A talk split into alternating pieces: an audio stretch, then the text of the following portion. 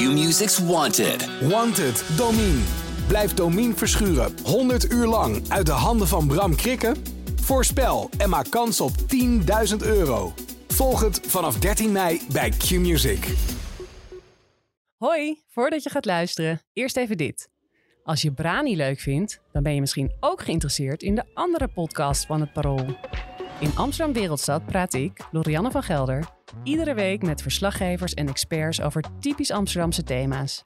Hoe Amsterdam Noord ooit werd gebouwd als afvoerputje van de stad, waarom Amsterdammers moeten leren leven met ratten en hoe paradijsvogels uit de stad verdwijnen. Iedere dinsdagochtend hoor je een nieuwe aflevering op parool.nl. Dit programma wordt mede mogelijk gemaakt door Toto.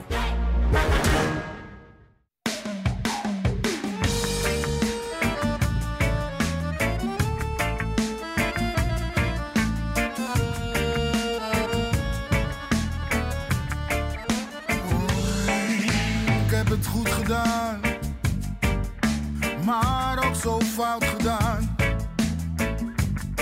Als ik terugkijk in de tijd, een lach met tranen, zo voel ik me vandaag. Geproefd van het leven. Hoe gaat het vandaag voor eh, Ajax in de week van de waarheid? En de rebound zit er denk ik wel in. Gorter, ja, daar is de goal voor Twente. En goal, Sam Stein. Alles gaat fout bij Ajax. Robbie komt bij de eerste paal. En daar is het doelpunt. Unuvar. 3-1 voor Twente. En uitgerekend, Nachi Unuvar beslist de wedstrijd. Het is weer crisis bij Ajax. Druk op Maurice Stijn. Druk op Sven Misselintat. Druk op alles en iedereen. En na een draai om de oren van FC Twente... wachten er nu wedstrijden tegen Olympique Marseille en Feyenoord. Het zijn zorgelijke tijden. Welkom bij Brani, de Ajax-podcast van het Parool. Mijn naam is Menno Pot. En bij mij in de studio zitten Bart Veenstra, de hoofdredacteur van Ajax Showtime. Bart, goedemorgen. Ja, goedemorgen. En we hebben David Ent, oer-Ajaxiet. Eh, binnenkort met een boek over Jari Liedmanen komt er... eh, Ja, dat gaat nog eventjes op zich wachten, ben ik bang. Maar Oké. eh, ja, er zit wat, eh, wat druk op. Om er in het, eh, in het jargon te blijven. Nee, eh, het, het schiet niet heel erg op. Oké, het zit in de pijplijn. Juist. Ja. Goed. Nou, dan eh, eh, hebben we iets om naar uit te kijken in elk geval. Ja, een glimp van licht hè, in, in donkere dagen. Een glimpje van licht, want dat kunnen we wel gebruiken. Het staat er eh, ehm, eh, niet goed voor. Jullie missen trouwens aan deze tafel Dick Sintony. Die is er even niet vanwege privéomstandigheden. Ehm, daarom gaan we met z'n drieën praten. Bart, David en ik. Eh, en we gaan het hebben over Twente-Ajax. We zullen wel moeten. Want dat is wat er bij Ajax speelt op dit moment. Er is geen andere optie dan naar drie wedstrijden terug te kijken. Ehm, een pleziertje was het niet, Bart. Eh, had jij hem eigenlijk al ingecalculeerd? Of, of, eh, Nou ja, ingecalculeerd. Ik denk dat je dat als ajax niet mag doen. Eh, dat je toch eh, altijd ervan uit moet gaan dat je, dat je Ajax bent. En dat je de beste bent van Nederland. Maar als je heel realistisch bent, dan is dat op dit moment eh, bij lange na niet zo. En ja, ik had wel van tevoren het idee, dit wordt een hele moeilijke wedstrijd. Eh, maar jij gaat niet zo snel uit van een nederlaag. Alleen eh, ja, na tien minuten was het wel duidelijk dat het een nederlaag ging worden. ja. ja. David, hoe stond je? Nou ja, weet je, als je van tevoren het competitieprogramma bekijkt, en dat geldt voor elk seizoen, dan zet je een rode stip achter de wat moeilijkere wedstrijden. En van tevoren zet je die dus ook achter Twente Ajax. Het is per traditie een lastige wedstrijd die je kan winnen, maar je kan hem ook gelijk spelen of verliezen. Dat kan. Dus het is op zich niet een eh, enorme verrassing dat daar averij wordt geleden. Maar de manier waarop eh, dat eh, maakt het wat zorgelijker. En het moment is natuurlijk ook heel slecht.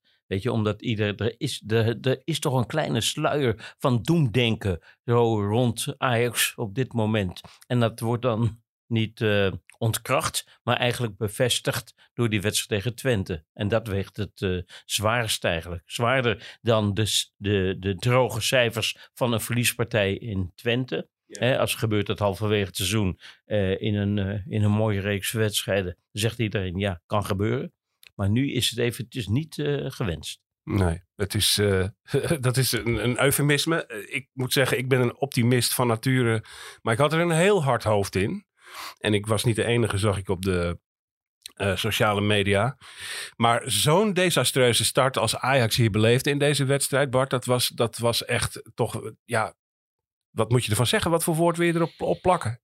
Ja, schandalig is misschien dan een goed woord. Eh, Schandalig, schokkend. ja, schokkend. Eh, dat- ja, hoe- Ja, hoe nou noemen ja, we dat?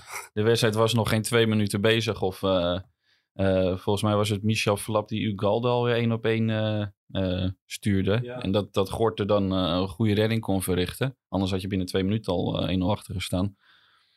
Maar ja, dit Ajax is zoekende qua opstelling, qua hoe ze moeten spelen. En eh, ja, wat je zegt is inderdaad eh, schokkend hoe, hoe ze dan voor de dag komen. Maar aan de andere kant, als je zoveel nieuwe spelers hebt en zo pas laat in de transfermarkt hebt gehaald, dan moet wel een heel groot wonder verricht zijn. Wil het nu ineens al een, eh ja, een geoliede machine zijn? Ja. Alleen, Dat Ja. zij gezegd, hè? Ja. er zijn verzachtende omstandigheden. ja, eh Mislintat moest zijn eigen transferbudget bij elkaar verdienen voordat hij het mocht gaan uitgeven. Daardoor waren de aankopen laat. Daardoor is er nog maar amper getraind met een volledige selectie. Eh, en dan heb je een interlandweek waardoor er eigenlijk ook niet opgebouwd kan worden. Eh, en zit je, ook al is het inmiddels tweede helft september, nog altijd met een groep die maar een paar keer samen getraind heeft. Dat zijn de verzachtende omstandigheden. Maar zelfs met dat in het achterhoofd eh, schrok ik, David. Ja, ik kan me voorstellen. Ik heb de wedstrijd niet gezien. Ik was eh, onderweg, je zal niet geloven, maar van Rotterdam naar eh, Amsterdam. Op weg naar een eh, reunie van eh, Ajax jeugdspelers. En ik, ik heb dus die, dat gedeelte van de wedstrijd niet kunnen zien. En de emotie zegt natuurlijk, oh het erg. En als je ana- analyseert, hè, wat we eigenlijk allemaal toch ook een beetje moeten doen. Dan denk je, ja, er zijn ook wel eh, omstandigheden waardoor het logisch is dat die radertjes nog niet in elkaar passen. Hè? En dat er makkelijke zand tussen komt. Dat, eh, maar het, het blijft eh, akelig om te zien. Ja, ja. En natuurlijk Twente wel een heel erg goede en ingespeelde ploeg. Die ook vanaf minuut één die indruk wekte. Dat het eh, ja, bij hun allemaal Ja, ja maar wel daar, staat. daar leeft natuurlijk, weet je, aan de andere kant van, eh leeft natuurlijk eh, de, de em- emotie, de sensatie van wij ruiken bloed. Ja. Hier, als het kan, is het vandaag. En dan, dat is heel makkelijk voor een trainer eh, om die jongens op te peppen. Ze hebben een aantal eh, heel goede spelers, vind ik ook. En ze hebben een, een goede start gehad, behalve eh, in, de, in hun eh, Europe- Europese campagne. Dat eh, viel een beetje tegen. Maar het is wel een, wel een stevige ploeg. En, en nogmaals, per traditie zware uitwedstrijd. En ja, er komen gewoon een paar dingen bij elkaar die zorgen dat de sterren verkeerd staan voor Ajax. Zoomen we even in op de opstelling waarmee Ajax begon.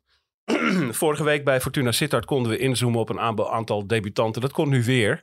Eh, we zagen voor het eerst eh, Borna Sosa, de, de Kroaat, op linksachter beginnen. En op het middenveld stond Sievert Manswerk, de Noor. Kun jij over die twee iets zeggen, Bart? Over hoe ze jou bevielen en wat je opviel? Eh, nou, van Sosa kan je wel zeggen, ik vind hem aanvallend sterk. Ik denk ook, de, bij, bij, Stuttgart speelde die in een, eh, speelde ze een soort 3-5-2 en speelde hij echt als wingback. En ik denk ook daar, dat daar echt zijn kracht ligt. Want verdedigend ehm, ja, is er nog wel werk aan de winkel, denk ik, bij hem. Maar ja, ik denk dat als je echt als team goed draait en hij als opkomende back eh, in dat team mee kan draaien, dan heb je wel een goede eraan. Want dat zag je ook bij de goal van Brobby, eh kwam hij gewoon goed op. Prima voorzet. Eh, ja, Manswerk, die was echt zoekende. Zowel qua aannames, qua passing, qua hoe die positioneel moest staan, was het gewoon allemaal niet goed. En dan is het logisch ook dat, eh dat Stijn hem er in de rust, eh, rust uithaalde. Alleen dan vraag ik me wel af, waarom speelt hij? Terwijl hij de laatste dag van de transfermarkt is gehaald. Hij heeft nu twee of drie dagen mee kunnen trainen met de groep. Terwijl je ook nog een jongen als Taylor hebt die al jaren meeloopt. En het op dit moment zeker niet minder zou doen. En ik denk zelfs beter. En in de tweede helft zag je ook gewoon dat Taylor het beter deed. Omdat goed in. Taylor weet in ieder geval wat hij moet doen als middenvelder van Ja. Ajax. En het is misschien niet altijd even supergoed. Maar hij weet wel eh, ja, waar hij moet staan. Eh, en, en, en hij is iets meer ingespeeld op de meeste teamgenoten, denk ik. Ja. Ja. Een derde opvallende punt na de twee debutanten was de invulling van de rechtervleugel. Of eigenlijk de niet-invulling van de rechtervleugel. Want Stijn zei, die laten we een beetje open. En de man die daar dan geacht werd het meest te verschijnen, was Akpom. Die dat eh, in zijn eh, leven tot nu toe niet gewend geweest is om als rechteraanvaller op te duiken in een, in een gat. Ehm, dat werkte niet, mogen we wel zeggen. Nee, nee Akpom eh, die ken ik nog van, eh, van Arsenal dan. Eh, en dat was, daar was hij echt spits. Want Bart is Arsenal supporter, mensen. Dat weten jullie inmiddels, hè? Ja, nee, en ja, hij is daar nooit echt doorgebroken. Ook omdat er gewoon te veel concurrentie voor hem was.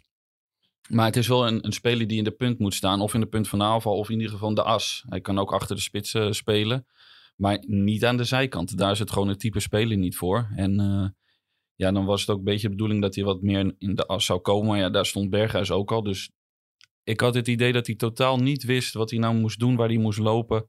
Ja, en dan... eh, Ik vraag me af hoe het nou gaat hè? voor de wedstrijd. In die, in die dagen voor de wedstrijd, hoe een trainer zijn strijdplan eh, opstelt. En eh, denkt, nou, we gaan er daar. Dan spreekt hij toch ook met die spelers. Dan spreekt hij ook met een Akpom. En Ja. die zal niet snel zeggen, ik kan het niet, ik doe het niet. Of, maar die zal misschien wel zeggen, ja, mijn sterke punt ligt niet daar. Er zal een plan zijn geweest, maar dat plan is niet eh, helemaal ten uitvoer gekomen. En ja, eh, ik hoorde tijdens mijn rit dus eh, naar Amsterdam via de radio. En toen eh, kwam ik inderdaad eh, de naam van die Noorse speler, eh, die kreeg ik te horen. Toen wist ik even niet of hij nou bij Twente zat of bij Ajax. Ja, Dus eh, ja, in ja. zo'n fase zitten we ook, weet je. Je moet heel erg wennen aan de, aan de nieuwe mannen, aan de nieuwe namen. En eh, ook voor die spelers is het wel uitermate moeilijk. En dan denk je misschien als trainer, dan bouw ik wat zekerheden, zekerheden in.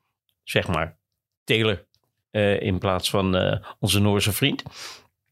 Ehm, maar een trainer zal echt wel zijn motivatie hebben om dat niet te doen. Hè, misschien is het een prikkel naar de een. Misschien is het eh, een totaal vertrouwen na vier dagen trainen. Dat hij denkt, ja, deze jongen kan het. Die, die toont zoveel zelfbewustzijn en eh, vermogen dat het kan. En dan is een wedstrijd altijd weer anders. Dat, ja, het is interessant eigenlijk ook om te weten wat de echte motivatie is voor de formatie die een trainer het veld instuurt. Zeker in deze periode, waarin geen vastigheden zijn, ja, waar je niet kan rekenen op eh, patronen die zijn ingesleten. Wat is de motivatie om het op die manier te doen? En dat, dat brengt misschien ook meer begrip en misschien ook weer meer onbegrip. Dat kan ook, hè? Maar het kan ook meer begrip brengen voor, voor die keuze. Ja, ja. Om over die onzekerheden eh, te spreken. Een goed voorbeeld daarvan is denk ik eh, Josip Soetalo. Die vorige week ja, eigenlijk na enkele keren meetrainen meedeed tegen Fortuna. Daar eigenlijk eh, wonderbaarlijk goed voor de dag kwam. Notabene met aanvoerdersband op de arm. Eh, daar meenden we toch allemaal meteen iets van klasse van te zien afstralen en kwaliteit. Eh, die ging nu volkomen onderuit. En in menig geval ook letterlijk. Hij gleed veel uit. En had zijn dag absoluut niet. Dus dan is iemand op wie je meent te kunnen rekenen... valt toch ook eigenlijk weer weg in de praktijk van zo'n wedstrijd. Dat heb jij ook gezien, Bart, neem ik aan. Hè?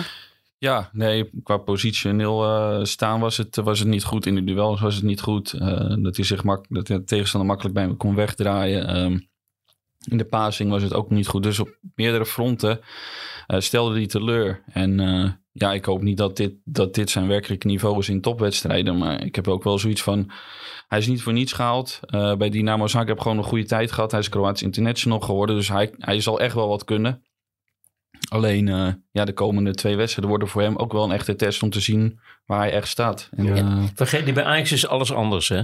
Verdedigen is anders. Je hebt altijd veel ruimtes om je heen. En dan hangt het, want het is ook een teamgebeuren. Je kan makkelijk verdediging, kan je beschuldigen van, eh, van slecht verdedigen. Maar het hangt allemaal samen ook met wat er voorin en op het middenveld gebeurt. Als daar een paar radertjes niet doen wat ze moeten doen, dan raken ook die verdedigers uit positie. Ga je te ver van een tegenstander komen, wil je rugdekking geven en je moet je man volgen. Al dat soort dingen die spelen mee en zorgen voor onzekerheid. En ook dat, je zou eigenlijk gunnen dat ze vier weken een, eh, een voorbereiding kunnen hebben in deze periode. Het is utopisch natuurlijk, het kan niet. Je kan ook niet die, we- die weken kan je niet offeren om, om dat in te brengen. Maar dat is wel heel erg wat eh, ontbreekt. En daardoor, hè, door zulke miscommunicaties en het niet gewend zijn aan elkaar. Een andere manier van voetballen. Veel ruimtes om je heen waar een tegenstander goed van pro kan eh, profiteren. Dat zorgt ervoor dat ook goede spelers er slecht uit kunnen zien. En terwijl ze in een andere positie, wanneer ze wel compact kunnen spelen, wanneer ze eh, elkaar kunnen vertrouwen en elkaar begrijpen, dan valt het eh, helemaal weg.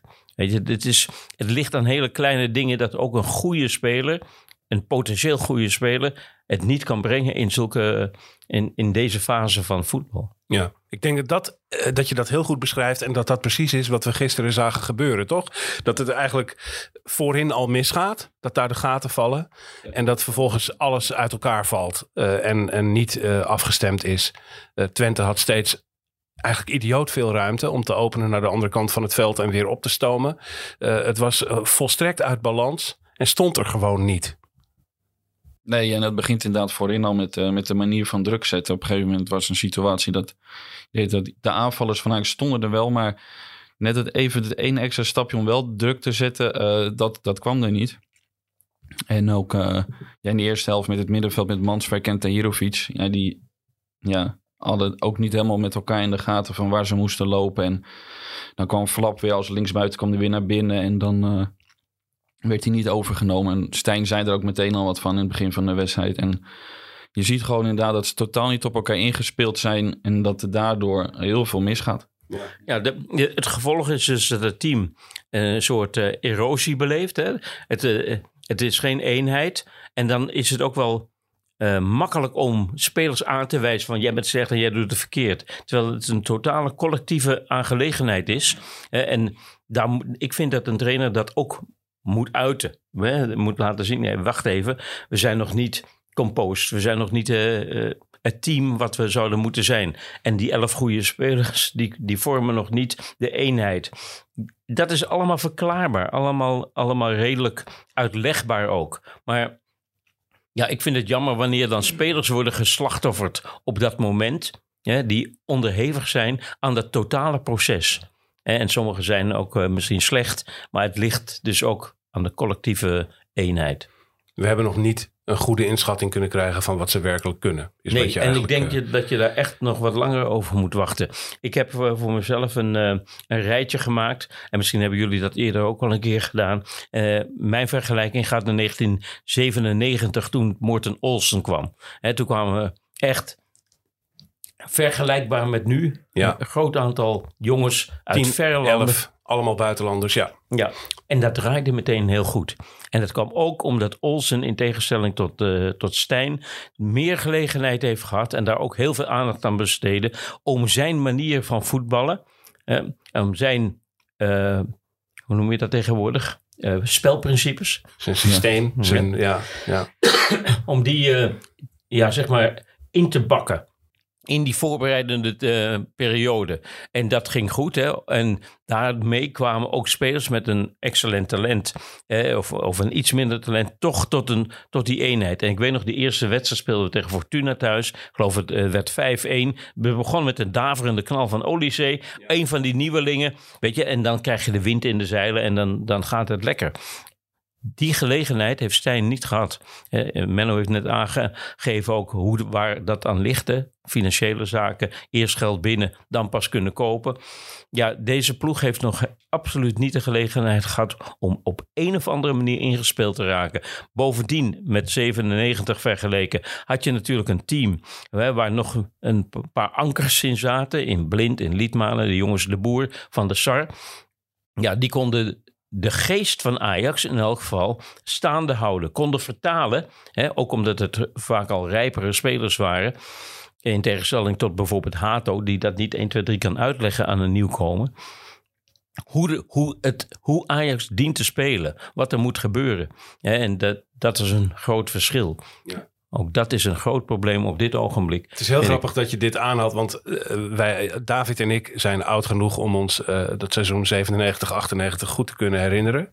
Eh, jij misschien niet, Bart. Ik begon toen ongeveer net met voetbal kijken en dan, eh, Ja. dan is het wel iets anders. Ja. Eh, en ik moest ook meteen aan die, die daverende knal van Sunday Oliseh denken. toen eh Medic hetzelfde deed tegen Heracles.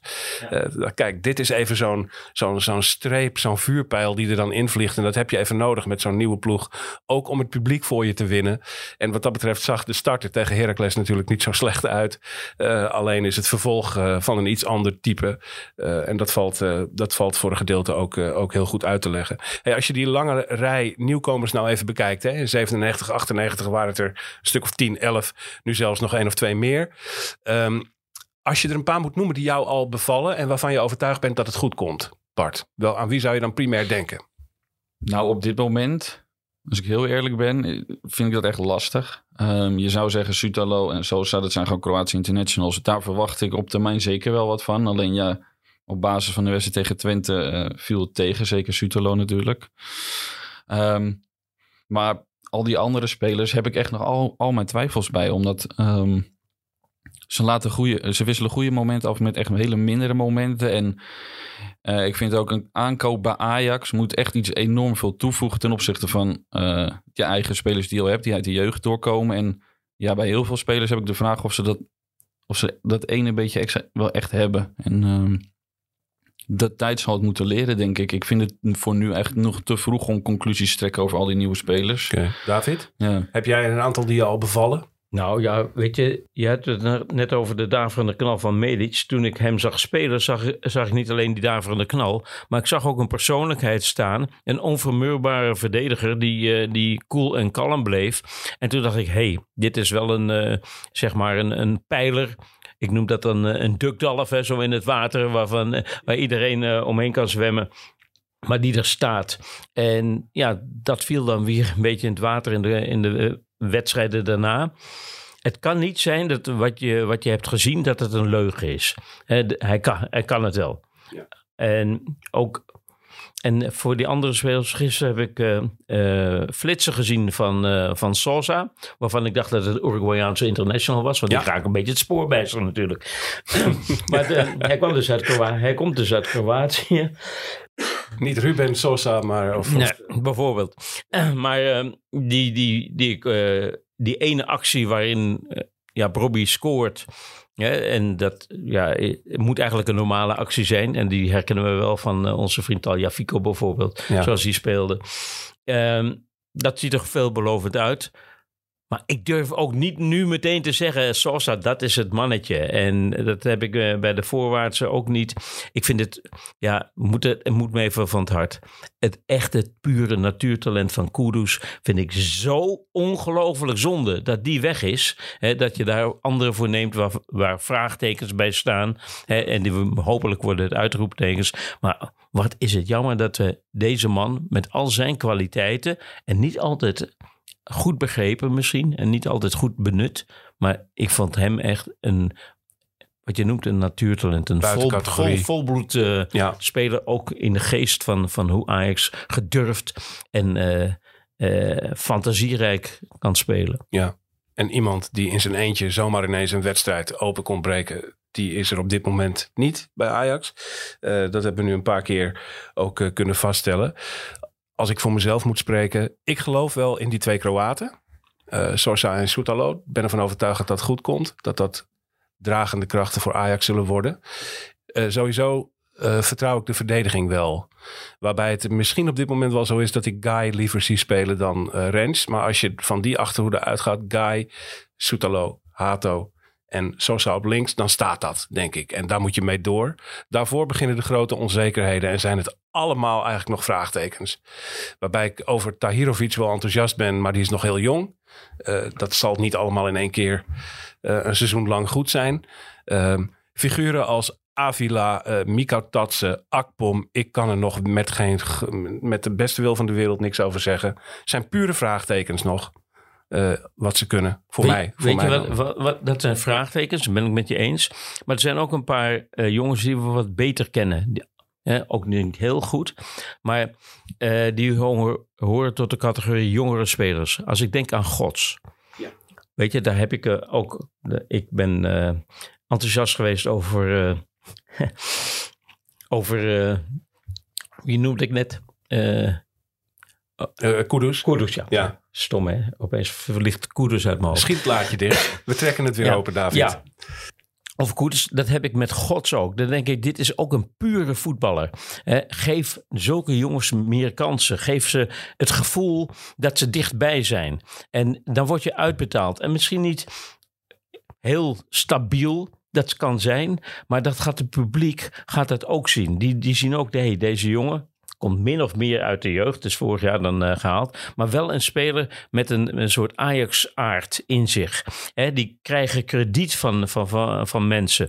Die, die geven iets fris. En ik vind het uitstekende voetballer. En zo zijn er meer. Ik bedoel, Sylvana Vos eh, vind ik ook zo'n speler. Weet je, als je die inbrengt, dan zorg je ook voor een wisselwerking met je publiek. Die denken, hé, hey, wacht even, deze jongens, daar, zijn daar gaan we gaarne achter staan. Veel eerder, en dat is niet helemaal eerlijk, dan achter de, de nieuwkomers uit, het, ja, uit, de, uit, uit de rest van Europa.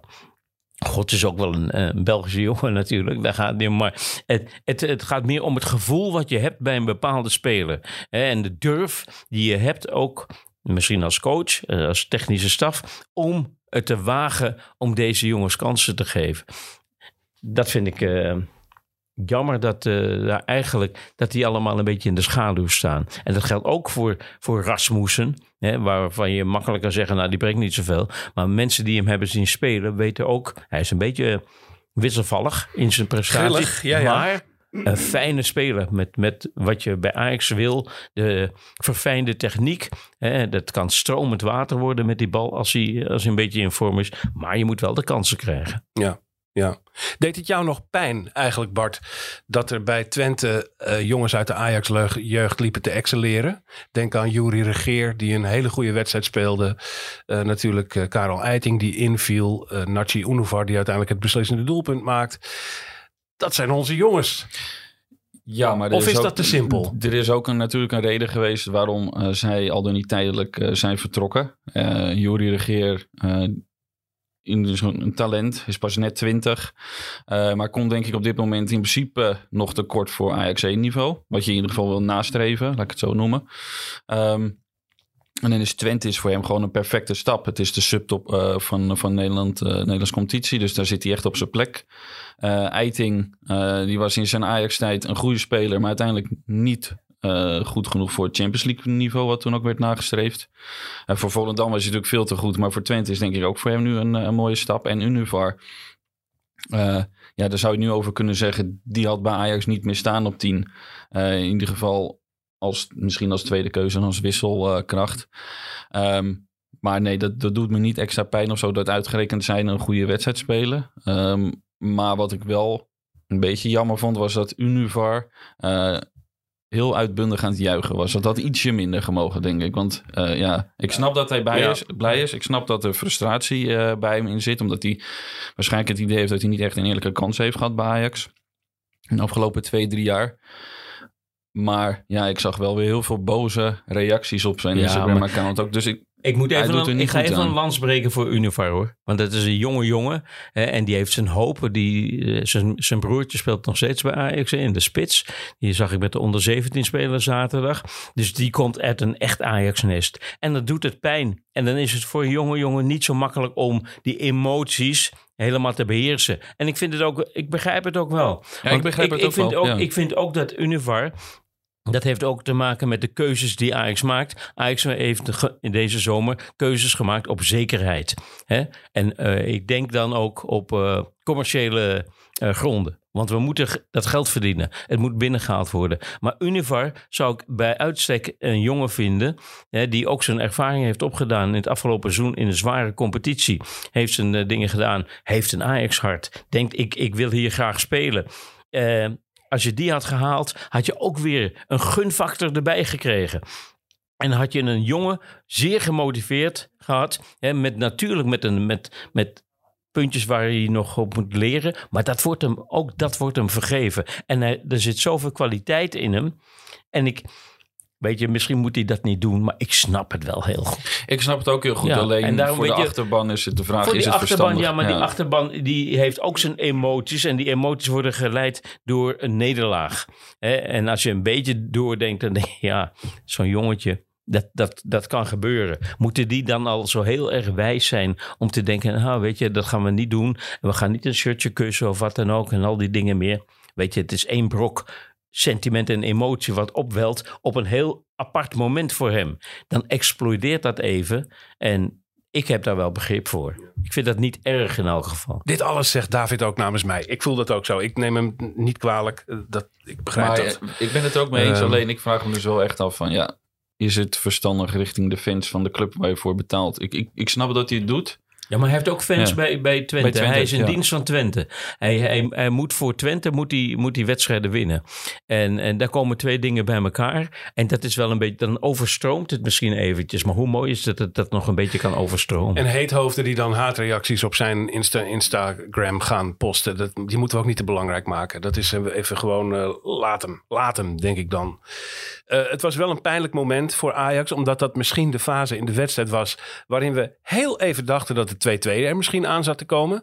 Het werd iets beter. Niet, niet eens zozeer dat Ajax nou fantastisch speelde. Alles behalve. Maar je voelde wel dat er misschien iets van een mogelijkheid op 2-2 in zat.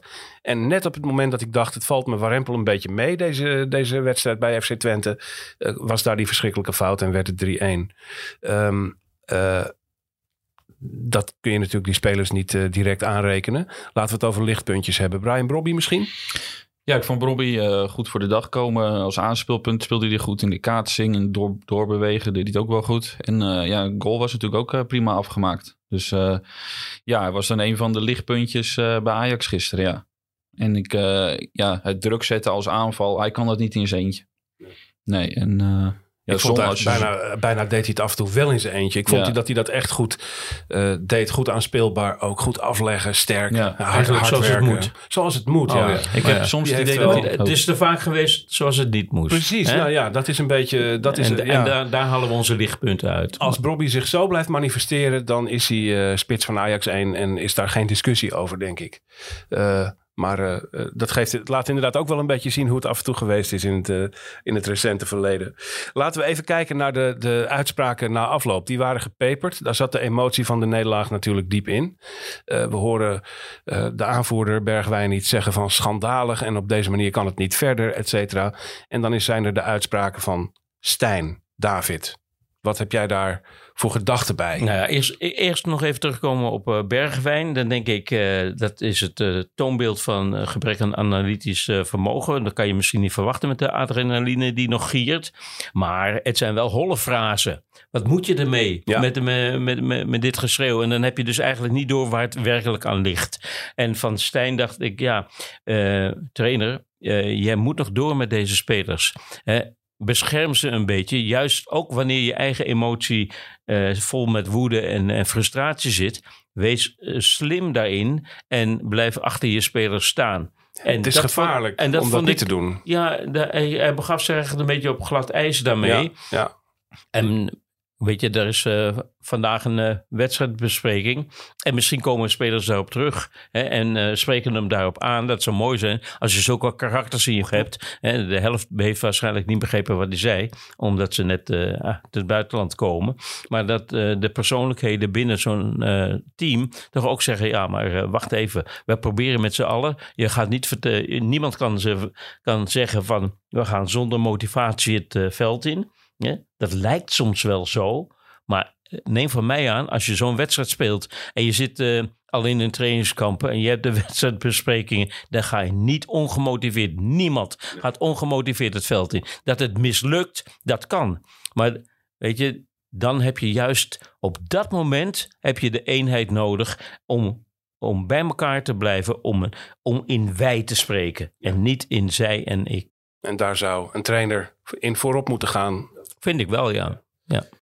Ja, dat is, eh, eh, dat is zeker zo. Ik hoop overigens ook wel dat er. ehm, ja, dat, dat je bij Ajax nog niet echt een plan de hand van Stijn ziet. Dat kan ik me voorstellen. Want daarvoor is de tijd dat hij heeft kunnen werken met die groep. eh, eh, is wel veel te kort geweest. Dus wat dat betreft zullen we dat tijd moeten geven. Of we het nou leuk vinden of niet. Eh, ik hoop wel dat hij uiteindelijk iets meer voetbalinhoudelijke noten op zijn zang heeft dan er voortdurend op wijzen dat het begint bij duels winnen en dat soort uitspraken. Ik bedoel, dat vond ik niet heel sterk hoor. Bart, Nee, eh, het is wat vaak, vaak in eerdere interviews of persconferenties ook dat het inderdaad eh, vaak daarop neerkomt. En Ja, eh, op tactisch gebied dat er niet heel veel ja, zinnige uitspraken uitkomen, zeg maar. En ja, dan kun je ook afvragen van hij is op een gegeven moment gehaald in de we zijn de zomer. graafschap niet. En- wat is het hij- duels winnen? ja, hij kan een, een, een, een, eh, misschien een hele goede motivator zijn voor een, voor een spelersgroep. Maar op tactisch gebied ja, moeten we, vraag ik me nog inderdaad af hoe, hoe sterk hij is. En daarvoor hebben ze ook Maduro natuurlijk gehaald om, als tactisch eh, genius, zeg maar, erbij. Ehm, maar op dit moment is er totaal nog geen lijn in het spel te ontdekken van Ajax. En dat kan ook denk ik niet zo snel met, eh, als je zoveel eh, spelers hebt gehad op het laatste moment. Ehm, maar het is wel interessant om te volgen hoe dat de komende weken gaat. En of hij inderdaad ook een keer een tactisch verhaal eh, kan uitleggen op Ja, een weet je, persconferentie. duel- duels winnen begint met dat je als team goed staat op elkaar. Hè, dat de afstanden, onderlinge afstanden in orde zijn. Dan kan je duels winnen. Maar zodra je dat een beetje uit elkaar trekt. Hè, dat, de, dat de tactiek niet wordt gevolgd. Dan kan je wel gaan schoppen als een, als een wilde. En dan, dan toon je dus karakter en, eh, en mentaliteit. Maar dan schop je iemand door midden en dan krijg je rode kaarten en al die dingen. Dat is het ook niet. Weet je, het is een, echt een collectief verhaal. En ik vind dat Ajax, eh, wat ik heb gezien, vaak te ver uit elkaar speelt. En dat het dus niet alleen maar aan het duels winnen ligt. Want duels moet je winnen als je in de buurt bent. Dan moet je kunnen winnen. En als je net te laat bent, ja, dat, En zeker niet aan inzet. Dat is meestal het verwijt van iemand die niet ziet wat er werkelijk aan de hand is. En eh, eh, nou goed, daar zullen we mee verder moeten. Wij verlaten Enschede, jongens. We gaan dat, het vervloekte Enschede achter ons laten. Eh, David, jij zat in de auto, zei je net, op weg naar een bijeenkomst van eh, eh, jeugdspelers van Ajax, ex- ex-jeugdspelers. Eh een van de mensen die jij daar tegenkwam is Alex Kroes. Ja, die zat er eh, ook omdat hij hoort ook tot die groep. Hè. Het is een, het is, eh, zeg maar 69 en eh, 89 jongens die toen in de jeugd speelden. Die waren uitgenodigd voor een fantastische eh, bijeenkomst onder de Amsterdamse roepnaam Oude Jongens Krentenbrood. Eh, dat was het ook. Het was uitermate gezellig en het is leuk om... eh, Rick van der Boog was er bijvoorbeeld ook. Eh, nou ja, veel onbekende jongens, onbekend gebleven jongens. Veel jongens die wat bekender zijn. En Alex Kroes is een van de bekenderen aan het worden. Ja, vertel ons over die man. Want hij is, voor wie het niet weet, de, de, de, de algemeen directeur die in de coulissen klaar staat om eh, eh, de functie van de interim algemeen directeur Jan van Halst over te nemen per 1 maart volgens mij. Hè? Eh, dan is hij onder het beding van AZ uit en kan hij aantreden als algemeen directeur van Ajax. Ehm, wie is deze man en hoe denkt hij over het spel, David? Kun jij, kun jij iets over hem geen vertellen? eh, psychologisch snijwerk. Eh, ik ken hem eh, redelijk, maar ook niet heel goed. Eh, ik heb hem als jeugdspeler wel zien spelen. En eh, een fijne speler ook. Haalde jong Ajax ook op een gegeven ogenblik. Maar het is wel een ondernemend mokemertje. Weet je, hij, hij, is altijd bezig geweest. Vooral na zijn voetbalcarrière. Heeft het lang volgehouden. Speelt overigens nog steeds bij Ajax in de, in de amateurs. De in, zo'n, in de zaterdagamateurs. Ja. Met een, niet in het eerste elftal, maar met een vriendenploeg. Uh, opgewekte, uh, positieve gast. Maar ook met uh, een goed stel hersens. Dat heeft hij bewezen door in een vroeg stadium het spelersmakelaarskantoor SEG, zeg, zeggen ze, zeggen ze in Amsterdam. Ja. op poten te zetten samen met een compagnon. Uh, die twee deden het heel goed. Daarna heeft hij zich uh, ook gemanifesteerd bij Go Ahead als een soort eigenaar uh, met veel capaciteiten op de spelersmarkt. En die hij heel goed kent vanuit dat spelersmakelaarswerk. Um, ja, ik ken hem als een uitermate positieve, amabele man, maar die wel weet wat hij wil. En dat is misschien ook wel wat Ajax nodig heeft. Maar, en dat vind ik een zeer belangrijk element, hij heeft wel het Ajax gevoel in zich. Weet je, hij heeft de, de identiteit van Ajax, draagt hij ook met zich mee. Hè, de, en daar kan hij als een supporter over praten, maar hij kan er ook inhoudelijk over spreken van, van wat het is. Hij weet wat Ajax eigenlijk vraagt. Hè, en dat heeft Dat gaat veel verder dan voetballend vermogen. Dat is ook een manier van leven. Om met Bob Harms te spreken, adel verplicht. Hè, die, dat, er, staat, er wordt iets verwacht van je als je Ajax bent. En dat geldt niet alleen op het veld, maar voor iedereen die in deze, in deze, bij deze club werkt, wordt iets meer verwacht. En dat hoort bij Ajax. En dat is eervol. Hij voelt dat aan. Hij heeft... Uh, regelmatig uh, gesprekjes zo hier en daar met, uh, met mensen uit de club. Om natuurlijk ook een beetje aan te voelen waar het wringt. En bij sommigen is dat heel emotioneel en anderen zijn daar weer heel analytisch over. Maar hij bereidt zich uh, natuurlijk uh, uitermate goed voor. En ik zag hem toen ik binnenkwam, toen was de wedstrijd nog aan de gang. En er zat een hele grote groep, zat natuurlijk voor het scherm uh, te kijken. En toen was net, had net, was net die 3-1 gevallen. Ja, dan zie je geen blije gezichten natuurlijk. En je hoort het gemopper en je ziet de donkere wolken zo boven dat groepje hangen. Dat is onvermijdelijk, want dat zijn allemaal Ajaxiden die daar zitten. En hij was ook een van die Ajaxiden. Kijk, ook niet happy. Maar ik heb het niet met hem gehad over die wedstrijd. Want daar was de omstandigheid was, was er niet naar. Nee. We waren daarmee om ongelukkig te zijn. Maar ik schat hem heel hoog in. We, we klampen ons uh, graag vast aan hoopvolle zaken in deze donkere tijden. En uh, dit, is, dit is zoiets. Uh, een, een algemeen directeur opkomst die in de jeugd van Ajax speelde. Jong Ajax haalde. De Ajax amateurtak kent. Doordezemd is van het club DNA. Die vreselijke term. Maar daar heb je hem dan. en bovendien een positieve, nou laten we zeggen, ingrijper is. Uh, Alex Kroes opkomst. Gaat die, we gaan eventjes uh, uh, deze podcast afronden met een vooruitblik. Um, want er staan wedstrijden te, voor de deur tegen Olympique Marseille en Feyenoord. Bart Veenstra. Ja, de week erna speel je volgens mij tegen Volendam en RKC. En ik denk dat ja, Ajax op dit moment die weken liever had omgedraaid. Als we dat nou om hadden kunnen ja. draaien, ja, ja. Ja, nee, het wordt ontzettend zwaar. Marseille... Um, ja, heeft best wel veel nieuwe spelers ook gehaald. Er zijn ook een paar vertrokken. Um, en ze, ja, ze kwakkelen ook een beetje nog in de, in de Franse competitie. Soms winnen ze en dan uh, van, van het weekend hadden ze weer 0-0 in eigen huis tegen Toulouse. Dus dat is wel een minder resultaat voor Marseille geweest. Maar het is wel een, een ploeg met best wel wat sterke spelers. Uh, bekendste speler denk ik nu is Aubameyang. Uh, ja, spits bij Dortmund geweest, Arsenal, Chelsea, Barcelona. Um, en ze hebben ook nog een verdediger die, die voor Ajax misschien uh, bekend is. Dat is, um, uh, hoe heet die? Bela, Bela, hoe heet die? Belardi? Balerdi. ja, nee, die, daar werd natuurlijk Ajax vorig jaar in de, in de winter heel erg even gaan gelinkt. Die kwam uiteindelijk niet. Um, ja, en verder hebben ze nog Ismail Sar. Is een speler van, van Watford. Uh, hebben ze gehaald. Hele snelle buitenspeler. Uh, dus ja, het is, het is wel een team um, met best wel wat goede spelers. Maar die ook nog een beetje zoekende zijn, denk ik, als je zo de resultaten uh, ziet. Dus, um, maar het is wel meteen een hele cruciale wedstrijd. Want ik denk dat Brighton uh, veruit de beste ploeg is. Hebben ook dit weekend weer gezien. Die wonnen met 1-3 bij United. Dus om, om door te gaan is dit denk ik meteen een hele cruciale wedstrijd. Wat wij zeggen wordt heel erg getekend door de actuele situatie.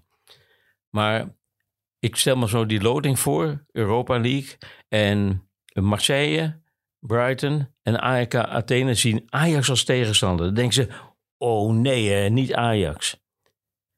Die bluff, die je moet je hebben als, als club. Als Ajax zijnde, ook dat hè, Adel verplicht.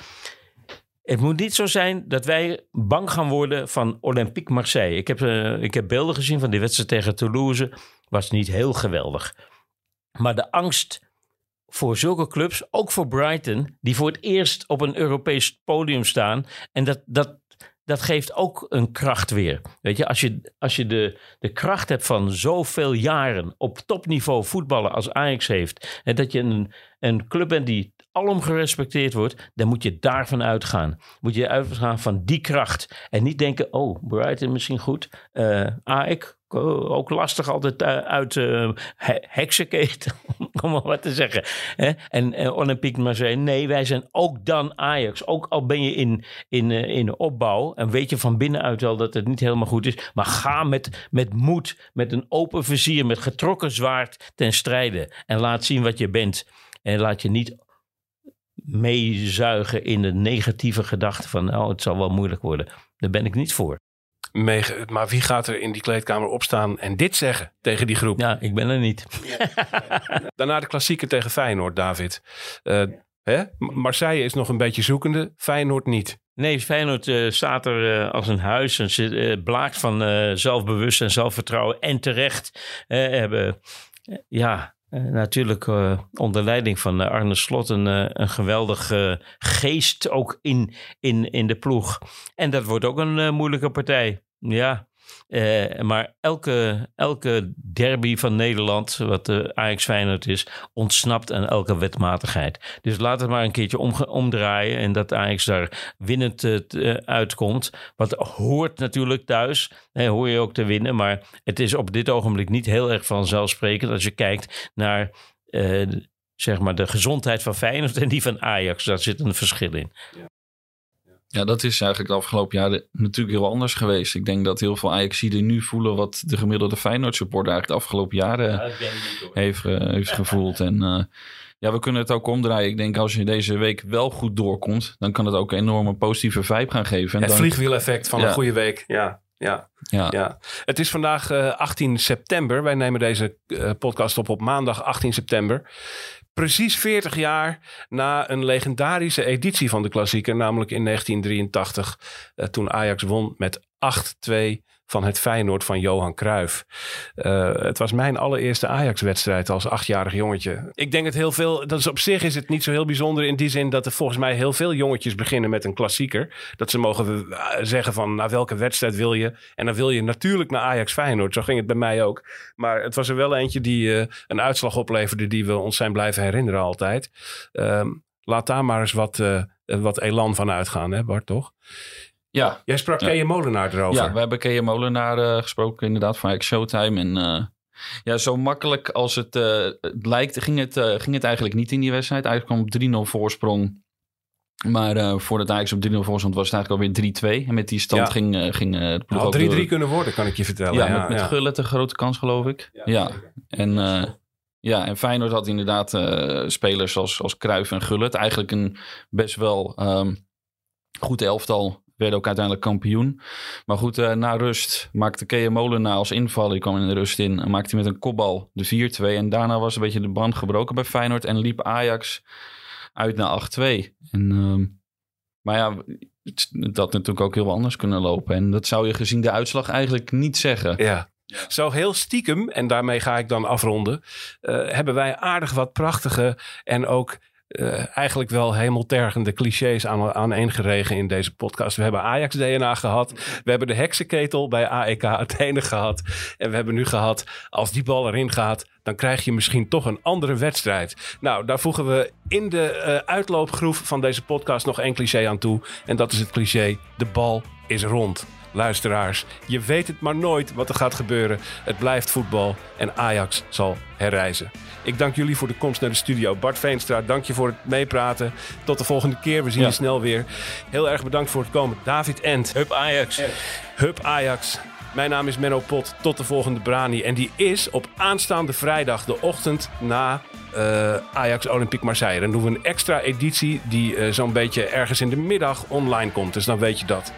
Tot de volgende Brani. Tot vrijdag.